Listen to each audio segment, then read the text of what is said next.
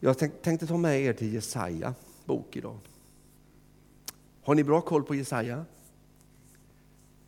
Tycker ni att det är lätt det här med profeterna? Eh, de här små profeterna och de här lite större profeterna, hålla ordning på dem. När levde de och vad säger de? Och eh, har det någon relevans för oss idag? Eh, vad har en profet som levde 700 till 760 år före Kristus? Vad har han att säga oss idag? Vad finns det för ärende? Finns det något i den tiden som påminner om de förhållanden vi står i i den här tiden? Ja, Jesaja han är född omkring 760 före Kristus. Kan ni tänka er historiska linjen 760? Det är ju ett delat kungarike, Nordriket och Sydriket, eh, som Israel är uppdelat i. Det är Israels rike och Judarike. Eh, och enligt judisk tradition så är ju, är ju Jesaja kusin med kung Usia som finns under den här tiden. Eh, och man tror ju att Jesaja var av en bättre familj. Han hade access till hovet. Så han kom in och kunde tala till de styrande. Eh, hans tjänst börjar ungefär 740 f.Kr. och det är när kung Usia dör. Och hans tjänst spänner över 46 till 47 år och under fyra kungar. Så det är, det är liksom inte någon eh, en, ett, ettårsprojekt det här att vara profet och heta Josaja. Vad är en profet då? Vad säger ni? Vad, vad, har en profet, vad är han för någonting egentligen? Får jag höra någonting? Vad har han, vad har han för uppdrag? Det är ingen kan säga det bättre nästan. Han talar å Guds vägnar. Han framför det Gud har på sitt hjärta till sitt folk. Det är precis det det handlar om. Eh, och många gånger så tänker vi profeten som en som skär, han skådar långt fram och ser på saker som kommer hända långt där framme. Eh, det är sant, profeterna när ni läser det finns saker som syftar till lite längre fram. Men de flesta handlar om närvarande orättvisor i tiden. Hur Guds folk har underlåtit att leva som Gud hade tänkt. Eh, och det finns, eh, Jesaja ger ju ett prov på överträdelser så småningom. Vi kliver in i en tid som är stora politiska förändringar. De är under tryck. Tänk ett år tillbaka. Har det ändrats någonting i vårt eget sätt att se på omvärlden och på tryck? Vad är det, vad är Nu pratar vi om säkerhetshot av en helt ny nivå. Den här tiden, då var det ett säkerhetshot som hette duga. Assyrierna hade tagit Syrien. Assyrierna var den stora makten den här tiden. Eh, om ni vill veta någonting om oviljan att gå till Syrien, eller till, till assyrierna, då ska ni läsa Jona bok. Eh, han var inte särskilt sugen på att gå dit. Det, det speglar lite av hur man såg på assyrierna. Ett, ja, ett elakt folk faktiskt. Elaka ledare som ville lägga större och större yta eh, till sig.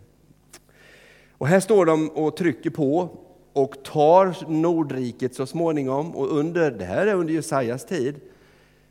Mm, 722 så går Nordriket under och fånge, de förs bort i fångenskap och Nordriket kommer aldrig mer tillbaka. Så under den, det vi läser idag, då är ju egentligen assyrierna och klappar på gränsen till Judariket och Sydriket. Så det här är inte någon tid när det är lugn och ro och vi kan leva gott och vi kan glömma problemen omkring oss. Så här står det då i Jesaja 58, 6-10. Nej, detta är den fasta jag vill se, på tal om fasta. Att du lossar orättfärdiga bojor, sliter sönder okets rep, befriar de förtryckta, krossar alla ok, Dela ditt bröd med den hungrige, ge hemlösa stackare husrum. Ser du en naken så klä honom, vänd inte dina egna ryggen. Då bryter gryningsljuset framför dig och dina sår ska läkas. Din rättfärdighet ska gå framför dig och Herrens härlighet gå sist i ditt tåg. Då ska Herren svara när du kallar och när du ropar säger han, här är jag. Om du gör slut på allt ditt förtryck hos dig, hot och hån och förtal. Om du räcker ditt bröd åt den hungrige och mättar den som lider nöd, då ska ljus bryta fram för dig i mörkret och din natt bli en strålande dag.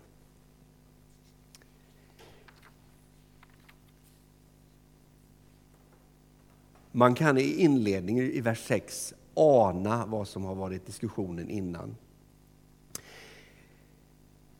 Man har klagat över att Gud inte lyssnar till dem trots att de klär sig i säck och aska och späker sig, men Gud lyssnar inte. Jesaja han talar ju ofta om den kommande Messias och det finns ingen profet som citeras oftare i Nya Testamentet än Jesaja.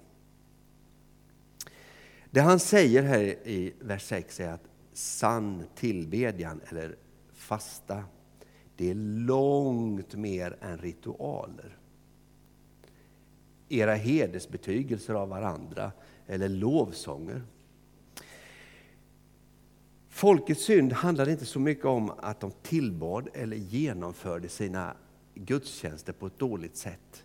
Det var säkert välpolerat, välslipade gudstjänster. Det var inget fel på mötesordningen. Men det var någonting som ekade falskt i deras tillbedjan. Jesaja han går till rätta med folket och när, läser ni Jesaja bok rakt igenom ska ni få se, han går till, vad säger han? Ni längtar efter högsta möjliga njutning. Ni vill ha ett liv i lyx. Ni utnyttjar fattiga och rättslösa, billig arbetskraft. Ni fuskar med era vågar. Ni, ni, ni är inte ärliga affärsmän. Ni har ett korrumperat domstolsväsende som man manipulerar. Och med detta kommer en oren, felaktig tillbedjan. Ni tror att ni är på rätt väg, men det låter falskt. Redan i kapitel 1 så klagar Jesaja att folket de vägrar att lyssna på Guds tilltal. Tillbedjan utan lydnad var meningslöst. Eh, Amos, som är något tidigare, han säger så här. Jag tror det är i kapitel 1 och 4, 14. Jag hatar era salmer, era lovsånger jag orkar inte höra på dem, men låt rätten och rättfärdigheten flyta fram. Jesaja är i samma, eh, på samma våglängd. Han ville se, Gud vill se ett, ett folk som beter sig rättfärdigt och schysst i sitt sätt att leva. Tvätta er, rena er, sluta göra det onda, lär er att göra det goda. Det är liksom, här är en omvändelse tar ju tid. Här gäller det att lära sig att göra det goda. Sträva efter rättvisa, ge stöd till den som är förtryckt. Var förespråkare för dem som är faderlösa. Skaffa rättvisa åt hon, den som är änka. Det är ett ganska jobbigt och påträngande budskap som man möter eh, här. Eh, men han säger att ni har förlorat den moraliska kompassen. Ni präglas inte längre av rättvisa och rättfärdighet. Er gudstjänst och tillbedjan har blivit tom och det ekar bara i den. Tänk om man skulle få det budskapet som församling. Ni gillar att vanställa er i sorg och aska när ni fastar. Nej, det här är den fasta jag vill se att ni lossar orättfärdiga bojor, sliter sönder okets rep, befriar de förtryckta, krossar alla ok, dela ditt bröd med dem som har behov. Se till att de som är hemlösa får ett rum. Klä de som saknar kläder. Det är en ganska praktisk tillämpning på på eh, lovsången fastan.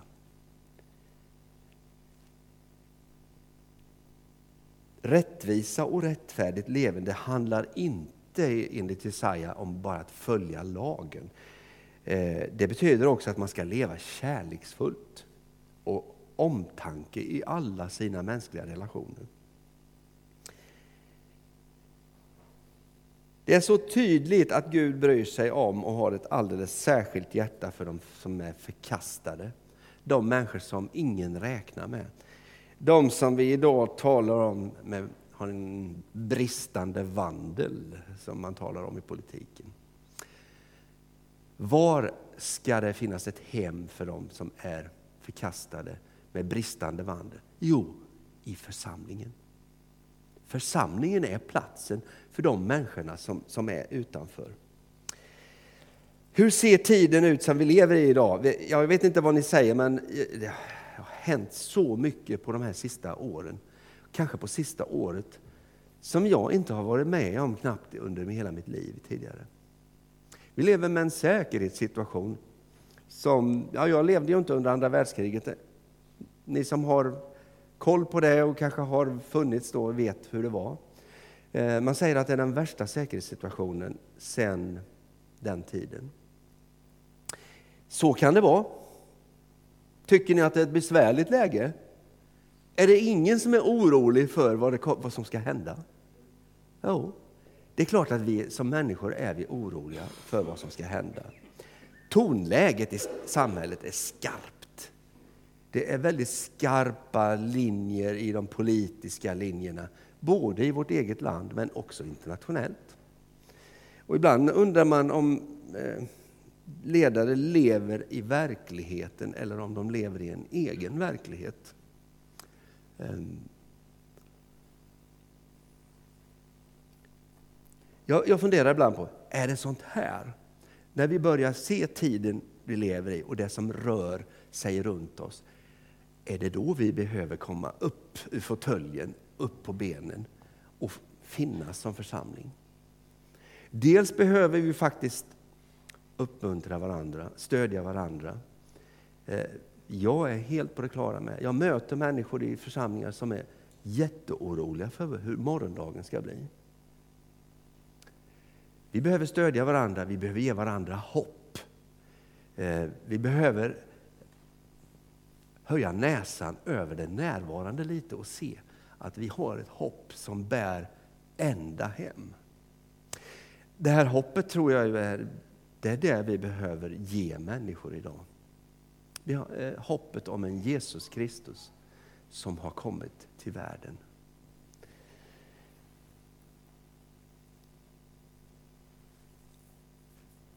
Det är klart, när man ser det som händer i världen idag så är det ju lätt att eh, bli lite uppgiven. Jag har varit och sett flyktingströmmarna i, efter Syrienkriget. Ehm, men det är ungefär 14 miljoner utav landets 24 miljoner människor som är på flykt. Lite över 6 miljoner är utanför, har gett, finns i grannländerna. Turkiet har 3,8 miljoner syriska flyktingar. Sverige tog emot 111 000. Och vi tror ju att vi har tagit emot den stora, största vågen, hur många gånger man hör. Men så är det inte. Man ser allt det här hända nu. Så kommer Ukraina-krisen på det här. Och det är 18 miljoner som är i direkt behov.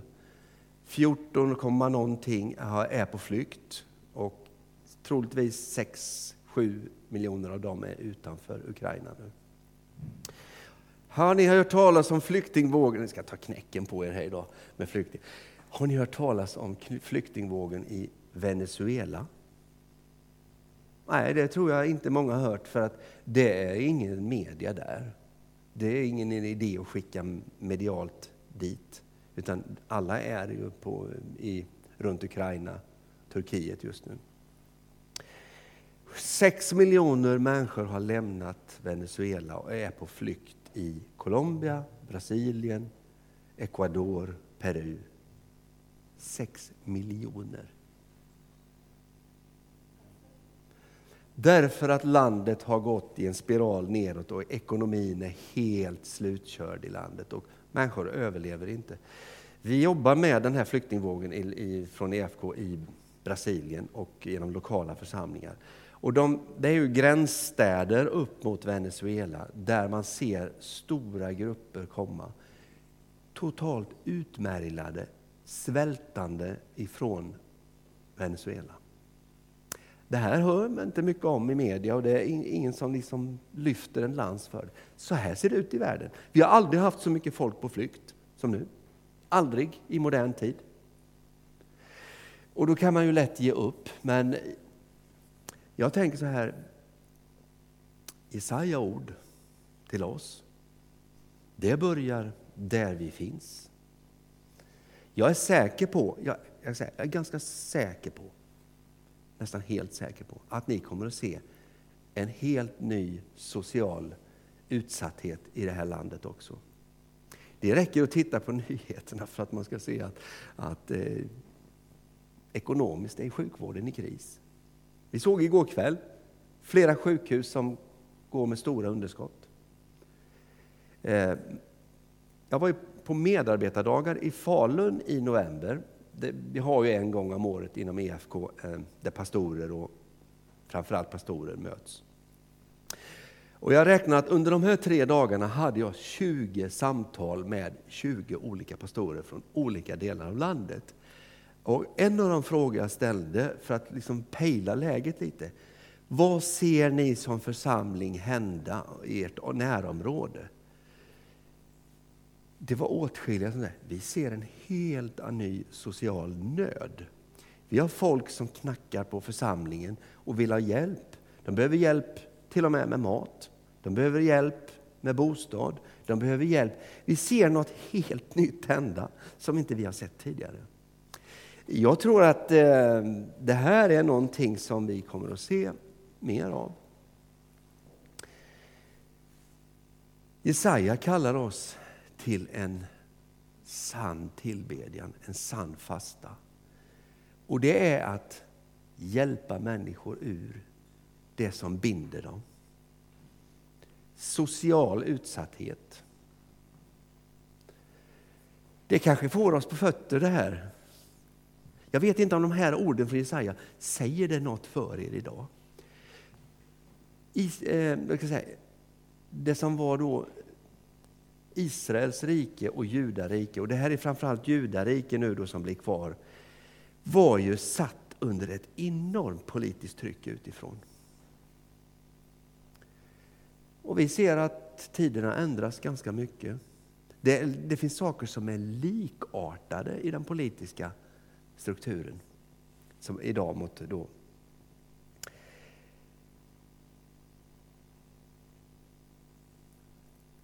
Vad säger ni? Tror ni att det kommer en tid när det kommer att krävas mer av oss? Känner ni det så? Du tror det? Ja. Eh, jag tror att de här orden från Jesaja är ju också trösterika.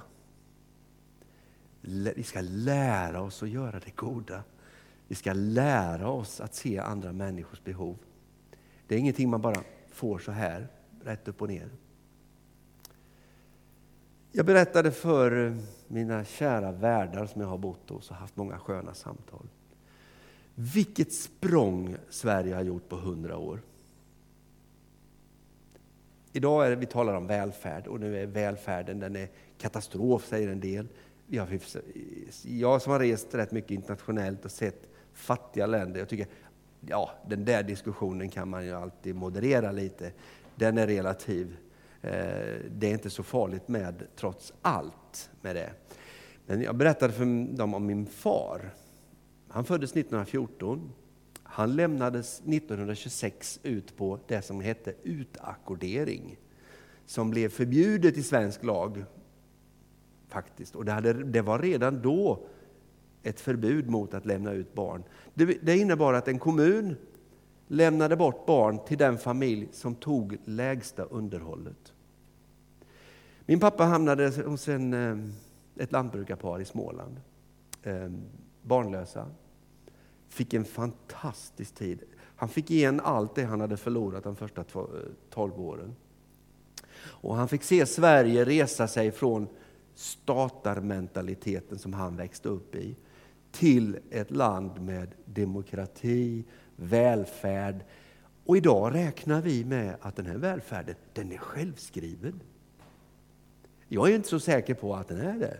Eh, jag tycker jag ser hack i maskineriet nu. Då. Men i det här maskineriet är vi kallade som församling idag att möta människor. Och där tänker jag sluta min predikan med att be för er. Får jag det? Herre, jag vill be dig för den här församlingen i Skene. Tack Herre för att du har fört de här människorna samman. Att föra fram ditt budskap till mänskligheten om Jesus Kristus som kom hit ned, som blev tjänare, som gav sitt liv för att befria oss, ge oss en framtid, en evighet. Jag tackar Herre för Jesaja och hans påminnelse om att sann fasta tillbedjan är långt mer än ritualer. Det är att se de andras utsatthet, nöd och göra någonting åt det. Tack för vad den här församlingen redan gör och tack för att du ska öppna ögonen för fortsättningen, Eh, för de behov som finns här. Amen.